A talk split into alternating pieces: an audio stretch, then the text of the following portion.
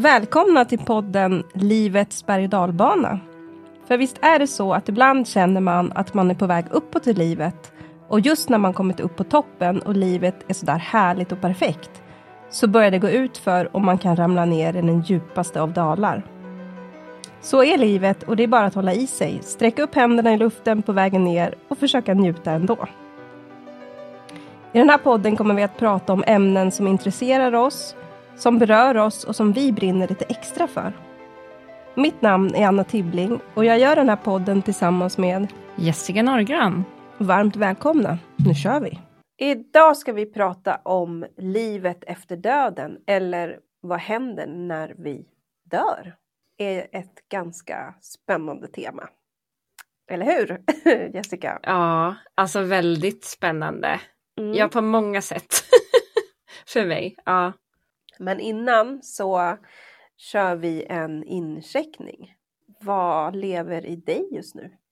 Jag känner att det är som en liten cirkus inom mig. alltså det är så mycket saker samtidigt och det händer så mycket. Ja, det är lite av allt liksom på något vis. Eh, och jag vet inte vad som är vad och hur jag egentligen känner mig. Så jag väljer att fokusera på tacksamhet det som är och det som är mest levande i mig just nu är faktiskt att om bara några timmar så kommer min pappa hit och hälsar på. Ja. Så det känns superroligt och eh, ja, bara jättehärligt. För det händer typ inte ens en gång per år att han kommer ner hit. Men så passade det bra nu av olika anledningar så det känns, eh, det känns mest levande i mig faktiskt. Att jag ser fram emot att få krama på min lilla pappa. Mm, det känns fint. Så vad känns levande i dig just nu, Anna? Ja, alltså jag måste ju berätta om det som jag gjorde igår. Jag var på healing. Jag fick healing av en kvinna. Ja, hon gick igenom massa saker och jag kan liksom inte dra hela den historien nu. Men det som är liksom mest relevant för mig eller det som verkligen gjorde störst skillnad innan och efter den här behandlingen är någonting som jag inte ens har förstått hur jobbigt och svårt det har varit. Och det är att jag för jag tror att det är faktiskt ganska exakt fem år sedan fick liksom nästäppa. Och då trodde jag att det var allergi för det var på våren jag fick det. Och så höll det i sig under sommaren och in, en bit in på hösten och så bara plötsligt släppte det. Och då i min värld så tänkte jag men det är säkert någon allergi, jag har säkert blivit allergisk mot någonting och det var ju vad läkarna trodde också då. Men alltså, det var så pass påtagligt, jag kunde liksom inte andas så jag fick ju liksom börja använda nässpray och jag gjorde det dagligen flera gånger om dagen för att annars så bara, ja, det, det gick liksom inte, fick jag andas med munnen och det var ju jättejobbigt. Eh, och sen plötsligt släppte det och så kom det tillbaka och så har det hållit på sådär eh, fram tills för ett år sedan där den här nästäppan bara har varit konstant. Och alltså det har känts som att när jag eftersom jag använder nässpray så släpper det ju, så kommer det tillbaka. Och för varje gång det kom tillbaka så alltså det känns som att jag kan inte ta ett fullt andetag. Det är som att lungorna i min kropp liksom snörps ihop och jag får ingen luft.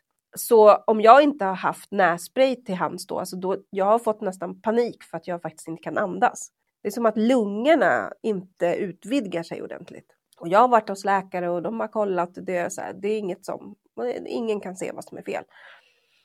Och så kom jag till den här kvinnan igår och hon sa eh, massa saker om den här nästäppan. Hon sa att just eh, näsa och, och ögon har jag också haft problem med och det visste inte hon utan hon hade bara hört nästäppa. Så hon sa att både liksom den här nästäppan och att det kan sätta sig runt ögonen, alltså bihålorna, de går ju både näsa och ögon, de hänger ihop så här.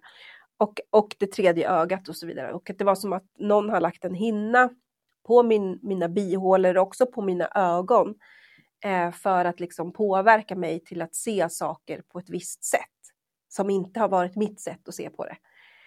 Och hon sa, men jag, jag ska göra vad jag kan för att liksom ta bort det, men det är inte säkert att jag kan ta bort allting, men successivt ko- kommer det förhoppningsvis liksom bli bättre. Och så kom jag därifrån och det bara gick någon timme så släppte liksom den här äh, nästäppan inte 100 procent, men alltså 95 procent. Och i morse när jag vaknade så kände jag mig lite så här förkyld, alltså den typen av nästäppa. Alltså jag kan andas ner i mina lungor utan att det känns som att det tar stopp eller att lungorna snurps åt. Det är helt magiskt. Det är helt otroligt. Jag kan andas genom näsan. Liksom. Eh, och jag kan också tillägga att jag har inte använt nässpray alltså sen jag kom hem igår. Det har inte hänt på fem år att jag kunnat ta ett andetag. Och nu kan jag det. Behöver inte ha panik för att jag inte har någon nässpray med mig. Liksom. Jag har inte ens det nu. Det var lite magiskt för mig. Ja men det, det är, magiskt. är ju en helt otrolig historia verkligen. Och jag också... fattar liksom inte hur, hur illa det har varit, eller vad jag ska säga så här. Förrän jag blev av med det nu. Nej, för det är så himla intressant att, alltså att du inte har förstått att du inte har kunnat eh, andas ordentligt förrän nu, när du kan andas ordentligt. Så bara shit, okej, okay, är det så här det ska kännas?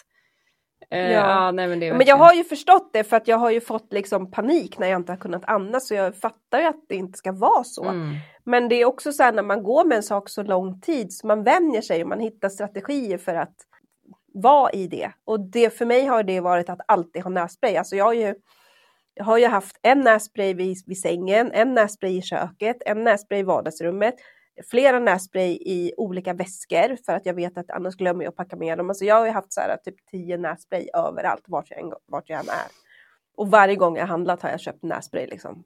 Förstå hur mycket pengar jag har lagt bara på nässpray. Mm. Så nu ska jag ta alla pengar jag, jag har sparat som jag har köpt nässpray för förut. Eh, de ska jag ta och lägga på mer healing tänker jag. Så, ja. Ja, det blir en Nej, jättebra idé. Nej, men på riktigt, alltså, det är väl jättebra. Ja. Men frågan är hur många gånger kommer du automatiskt vilja köpa en nässpray när du handlar? För att du har gjort det så många gånger. Men vet du, jag tror inte att jag behöver det för att symptomen mm. är liksom borta. Jag tror att jag kommer att glömma bort det. Okej. Okay. Utan det har jag ju gjort för att jag inte kan andas och få panik. Men nu kan jag ju andas. Jag tror inte att jag Alltså, men ja, jag vet inte, vi får se. Men jag gick hemifrån nu och satte mig här i poddstudion och eh, liksom tänkte inte ens på att jag skulle behöva ha med någon nässpray. Så jag kan andas igen. Jag är nöjd med det. Mm. Men eh, då kanske vi ska komma in på dagens tema och vad som händer när vi eh, slutar andas. Alltså när vi dör. Men varför vi pratar om det här jag har ju alltid så länge jag har levt trott på att det är någonting som mer som händer när vi dör. Jag har ju aldrig varit en sån person som tror att det blir nattsvart och det händer inget mer, att vi, upp, alltså att vi liksom upphör att existera. Det har ju aldrig varit min tro och uppfattning, utan jag har ju alltid trott att när vi dör så vi, vi kommer någonstans och vi har ett syfte med att vara här på jorden.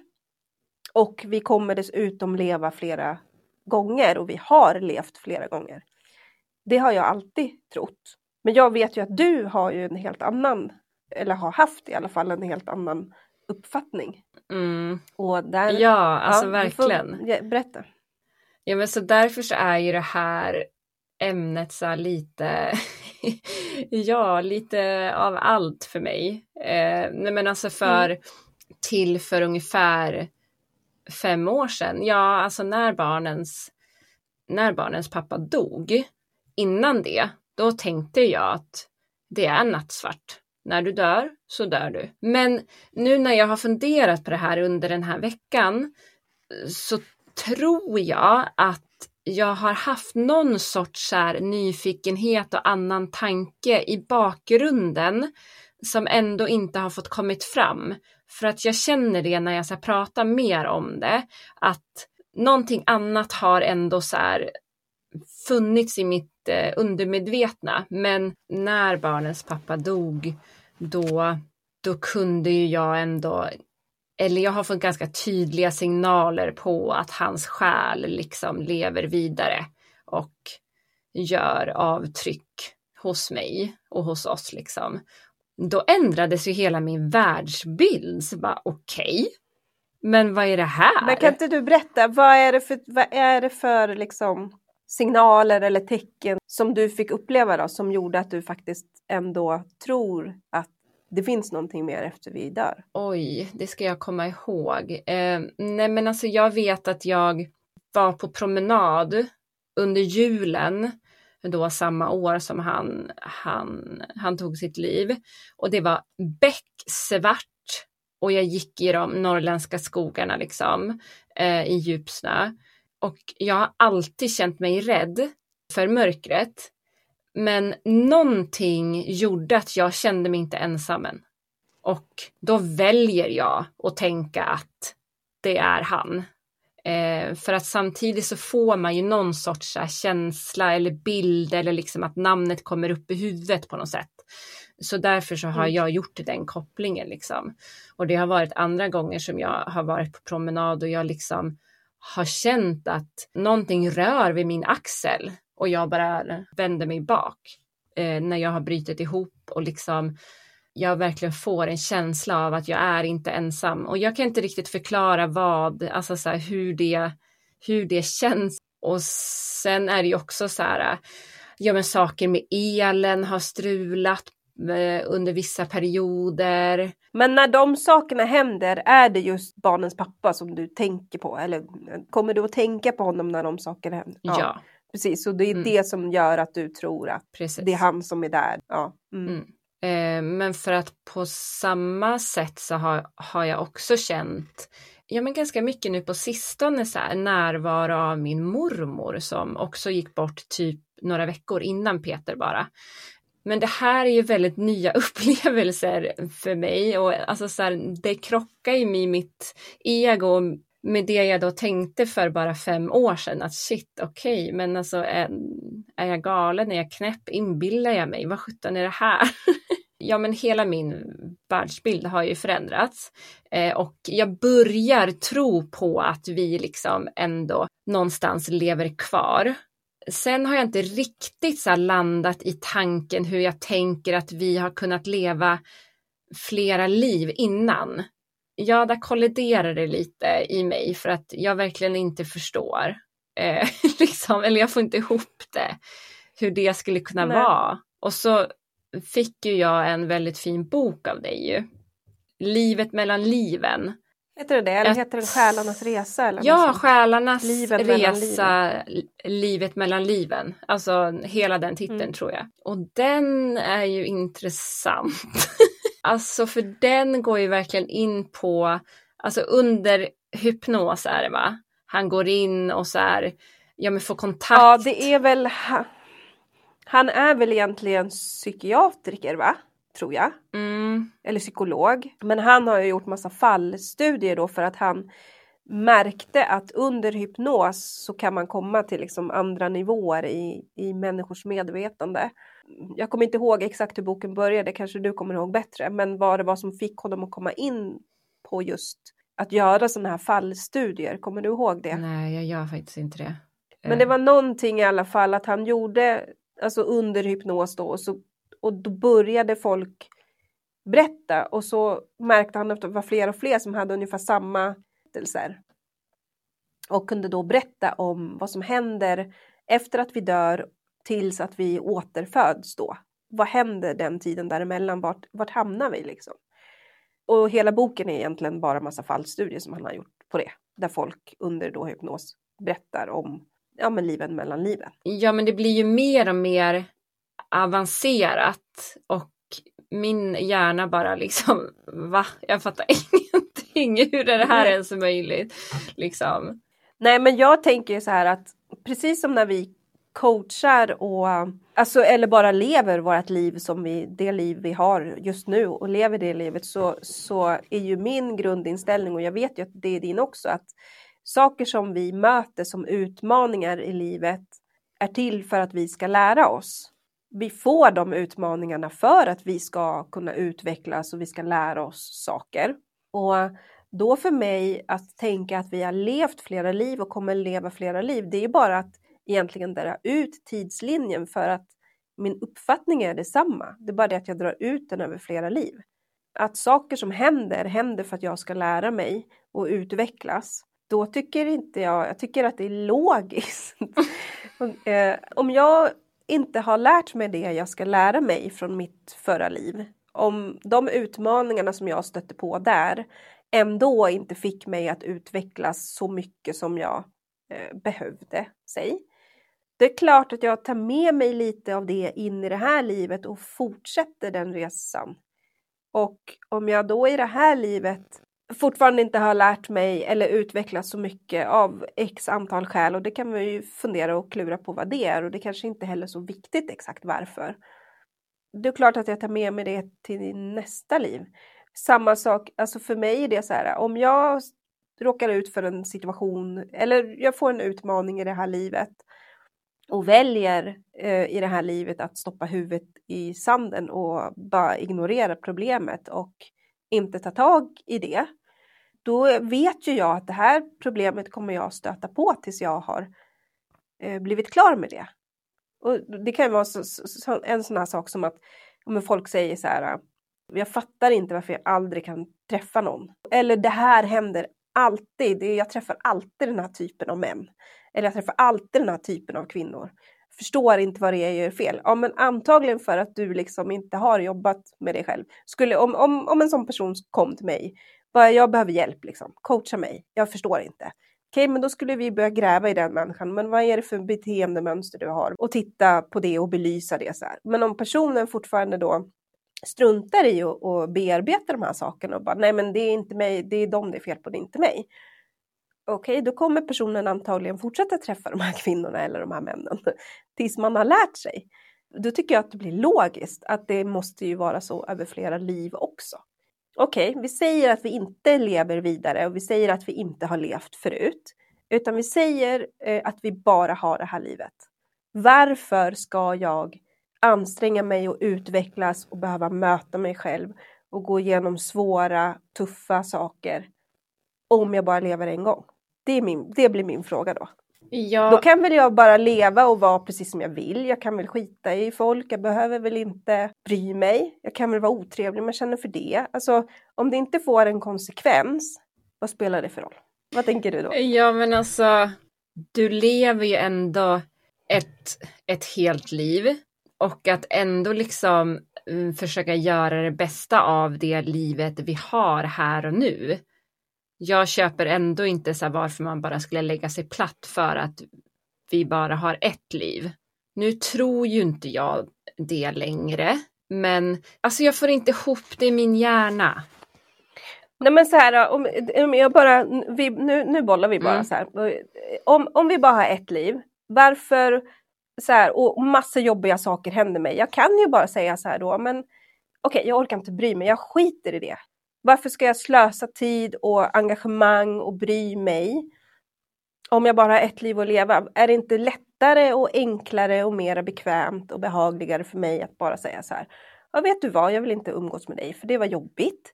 Då byter jag människor och så umgås jag med människor som eh, jag mår bra av. Och sen kanske det här händer. Det händer kanske flera gånger och så. Men som vi säger, så här, du kommer möta den här typen av människor för, för att livet vill ge dig en utmaning.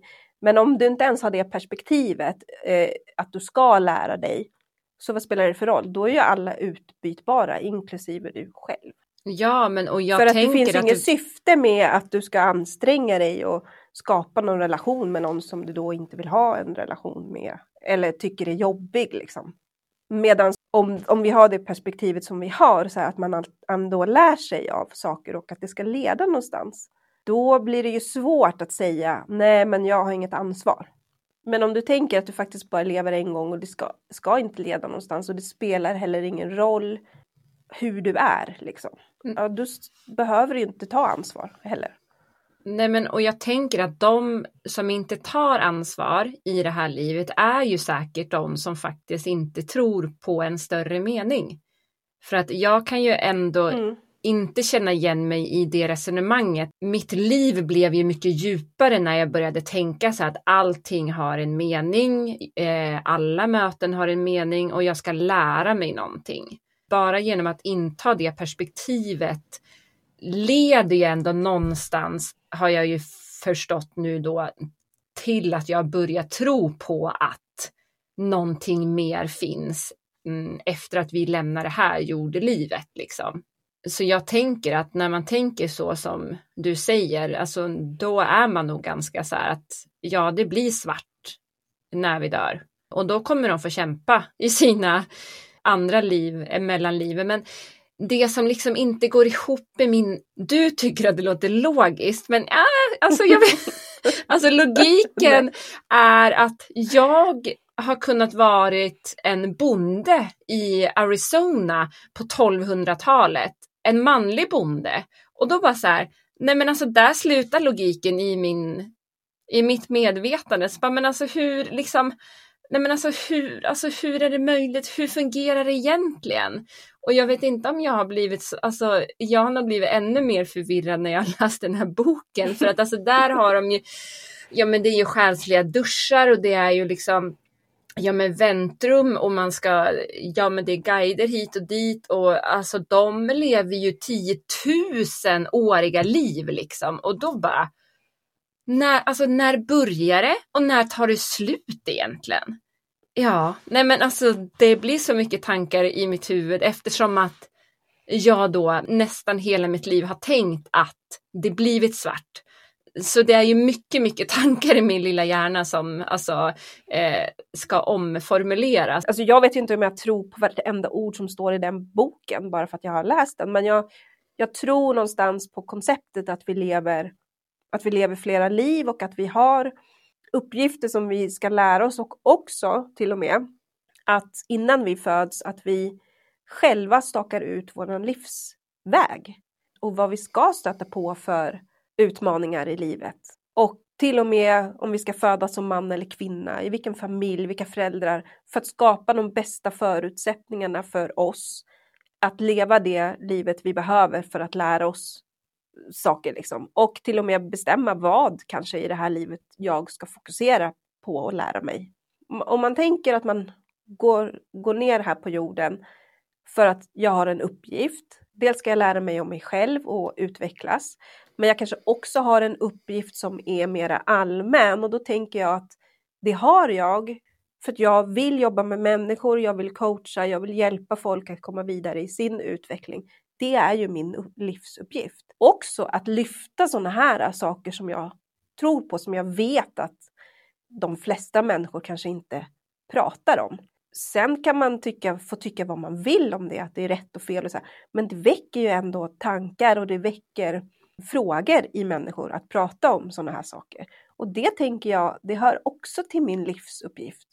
Att göra det, att lyfta de här sakerna det skulle ju också kunna vara så att jag går helt emot det som jag känner är rätt och riktigt i, i hjärtat och struntar i det, ja men då har jag ju inte heller gjort det jag kom hit för. Eller så här, ja men ja, jag skulle vilja göra de här sakerna i livet, men jag väljer att inte göra det för att jag vill hellre tjäna mera pengar. Då har du ju egentligen gått emot din egen vilja och det som känns i hjärtat. Och jag tänker att det är samma sak fast bara över ett väldigt mycket större perspektiv. Så, sen kanske du kommer på när du är 55 så här, attans, jag skulle tillbringat mer tid med de här människorna jag tyckte om, för det var inte så himla viktigt att tjäna de här pengarna. Nu sitter jag här själv i mitt stora hus. Jaha, vad kul jag har. Jag kan åka vart 17 jag vill i världen, men jag har ingen mening i mitt liv. Vi behöver inte prata utifrån den här boken, utan bara prata om vad du då, alltså personligen, vad tänker du? Vad tror du händer när vi dör? Att själen lever vidare så långt har jag ju kommit liksom.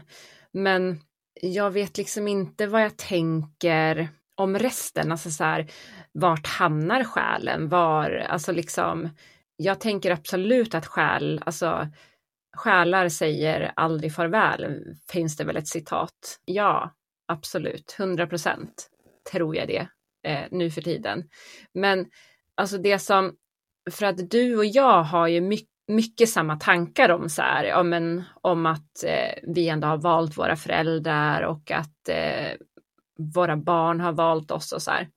Och det tänker jag också, för det kan jag ju tänka logiskt i det här livet. Men när jag då ska tänka att jag har gjort samma val flera gånger, då bara, nej men va? alltså, men samma val behöver Nej, nej, men inte samma val, men alltså eh, ändå valt en gång innan, förstår du hur jag menar? Och då tappas liksom logiken i min hjärna, för vi vill ju ha någon sorts logisk förklaring och det finns ingen logisk förklaring här och då blir det bara lite så här, alltså jag har nog inte riktigt så formulerat, jag har nog inte kommit på ännu hur, hur jag så tänker att allting hänger ihop. Alltså jag tänker ju så här, om, om vi pratar om vart hamnar man när man dör. Mm. Det, alltså vi hamnar ju i, i någon slags evighet, är vad jag tror. Och liksom i den dimensionen eller på den platsen så finns ju inte tid. Utan tiden är, tid är dåtid, framtid, allt är samtidigt. Och om man pratar om till exempel nära döden-upplevelser eh, som, som folk har haft eh, och när de berättar om det efteråt, då är det ju som att eh, när de lämnar, alltså den fysiska, när själen då lämnar den fysiska kroppen så är det som att de ser hela sitt liv på en sekund, eh, men samtidigt. Så det finns många sådana beskrivningar. Och det är väl för att, tänker jag då, att tiden existerar inte linjärt. Det finns ingen lin linjär tid utan allting är ju samtidigt. För det finns ju jättemånga studier också på just nära döden upplevelser att ha forskat på och eh, förstått att bara för att den fysiska kroppen inte har några livstecken och så vidare så det finns, någon, det finns ett slags medvetande som du och jag nu i det här avsnittet kallar för själen och det är exakt vad jag tror att det är. Mm. Det är våran själ och själen är evig, precis som du också sa. Och den är fortfarande medveten. Eh, för kroppen är bara skalet, men själen är evig. Liksom. Och själen kan då välja olika Eh, kroppar eller olika liv beroende på vad själen ska lära sig. Så att, att säga att det är jag som lär mig eller du som lär dig, det är ju, det är ju sant. För det är ju våran själ, men bättre vore kanske att säga våran själ ska lära oss. Men jag tycker att det är väldigt intressant med människor som har haft nära döden upplevelser och jag som älskar sånt och tycker att det är jättespännande och liksom förkovra mig har ju sett varenda dokumentär eller läst varenda bok om det här.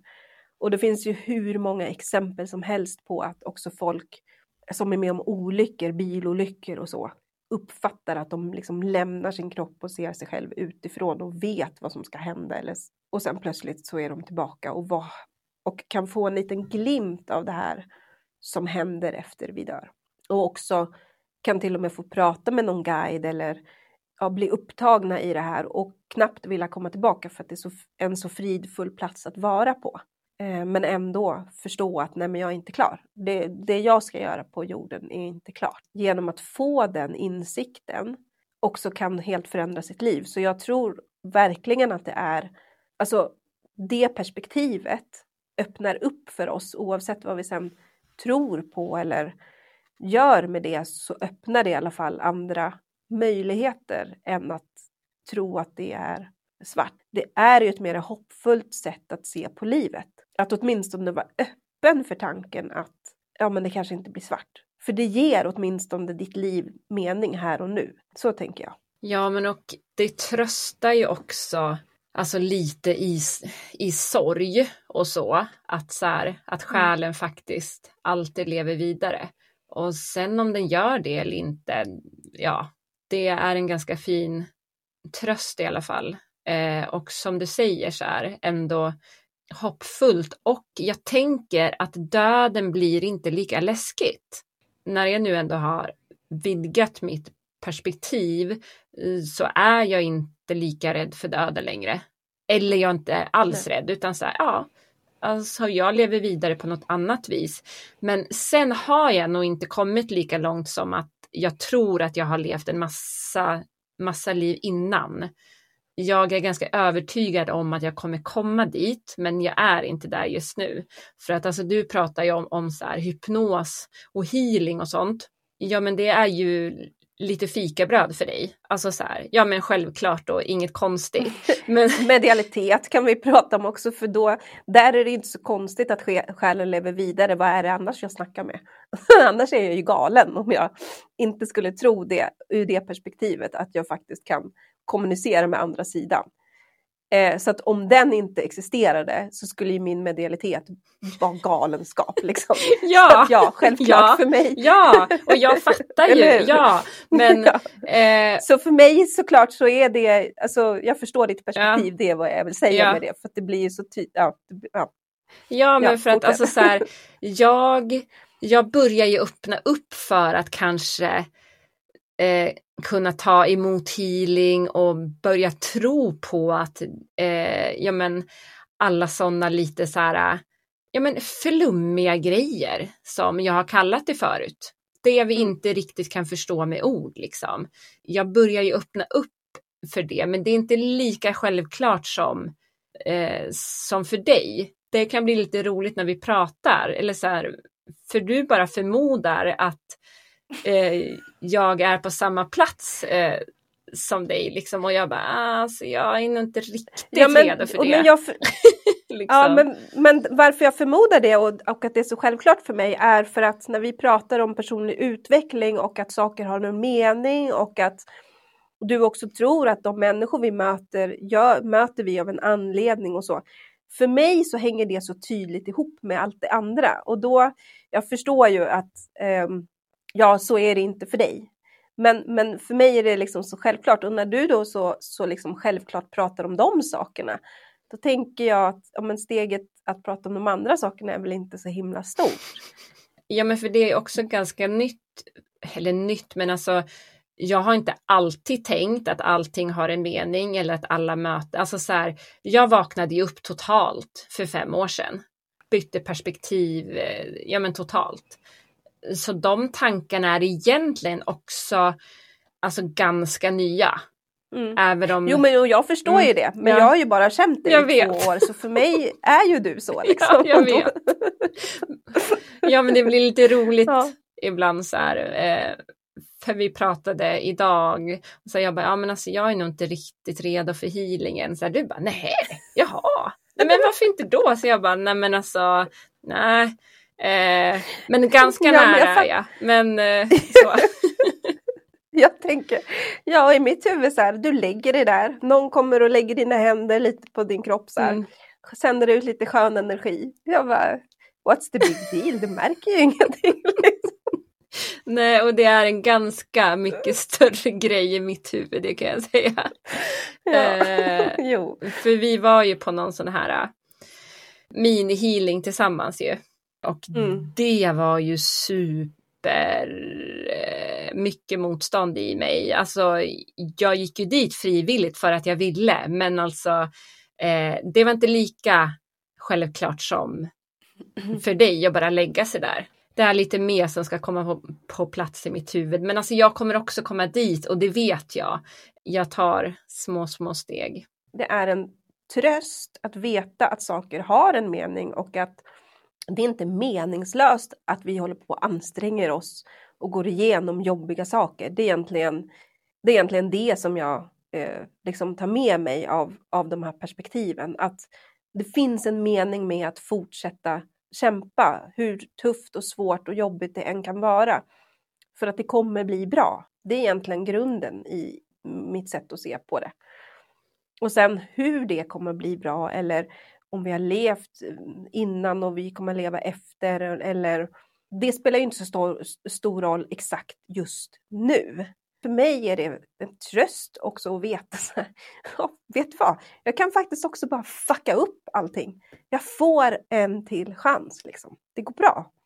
Ja, och Så där är ju jag kanske inte, alltså jag vet ju inte riktigt om jag tänker att eh, själen återföds i en fysisk kropp igen.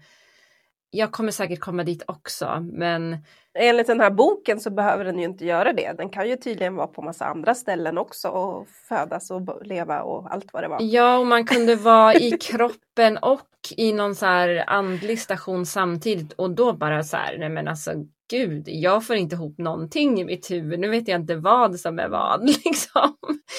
Men det är ändå spännande, alltså intressant att läsa lite, alltså så här, och så får man ju liksom, man får ju bilda sig sin egen uppfattning och sin Absolut. egen tro. Och det är ju det jag liksom håller på att och göra. Och, och jag kan inte lika tydligt som du kanske liksom specificera det eller så här. Men, Nej, och det behöver man inte. Nej. Jag har ju, som sagt, jag har ju läst och liksom kollat på allt som går att kolla på, läst allt som går att läsa och så vidare länge under egentligen hela mitt liv. Och jag har ju, alltså det jag pratar om nu är ju, alltså det är ju min egen uppfattning som jag har bildat mig av allt det som jag har läst och sett och, och liksom lyssnat på. Ja, det är det du håller på att göra också. Och det ska bli spännande att se vad du kommer fram till. någonstans tänker jag att att hålla på med healing själv eller liksom alltså, alltså helt bara ja, ja, det här är grejen. Jag fattar Mm. liksom. Så ingen vet vad som händer. Eh, men hur som helst så skapar det en djupare mening i ens liv i alla fall. Att liksom tänka att själen faktiskt lever vidare. Hur den nu gör det och vart den har varit innan är ju, det kan vi diskutera liksom. Men livet får en djupare mening. Ja, och just tröst i att om folk går bort eller jättesvåra saker händer, att veta just det tycker jag är en tröst. Eh, för mig är det det. För att annars, alltså för mig blir det bara så himla deppigt. Jag fattar inte varför jag ska anstränga mig. Varför ska jag då gå upp på morgonen när allt känns jättejobbigt? För vem liksom? För vad? Men med det här perspektivet så finns det ett för vem och för vad och varför. Och det ger också kraft och styrka och liksom mod att möta det som man behöver möta och möta dagen på ett annat sätt. Ja, men och jag blir väldigt nyfiken på vad du som lyssnar tänker om det här. Vad händer med själen eller har vi ens en själ? Alltså det skulle vara jätteintressant om ni, ni ville dela det efter att ni har lyssnat. Och jag känner när vi sitter här och pratar att jag tog det som ett exempel så här att det är lite min livsuppgift att prata om de här sakerna och lyfta de här frågorna. Men nu när vi sitter här och pratar så känner jag att det verkligen är så. Och jag vet inte riktigt hur, hur jag ska göra det. Ja, det här är ett sätt. Men jag känner att jag ska göra det mer. Det känner jag jättestarkt i hela min kropp nu. Att väcka den frågan hos människor. Gud vad intressant. Mm, ja, häftigt. Det blir intressant Alltså, att det se så- hur ja. det... Hur det kommer utveckla Ja, precis, exakt. Verkligen. Det kommer visa sig. Mm, Men jag kände det nu i hela, men i hela mitt väsen att bara, ja det är det. mm. Varsågod, det är det du ska göra. Ja. Men ja, verkligen. Eh, jag blir också jättenyfiken på hur du tänker, alltså du som lyssnar. Så ja, skriv jättegärna. Jag tänker att vi ska nog eh, avsluta här. Jag vill bara säga att eh, själar aldrig säger farväl. Det är det jag får till mig. Det var väldigt fint sagt. Mm. Själar säger aldrig farväl. Vi avslutar så. Mm. Bra. Tack för att du har lyssnat. Tack snälla för att du finns.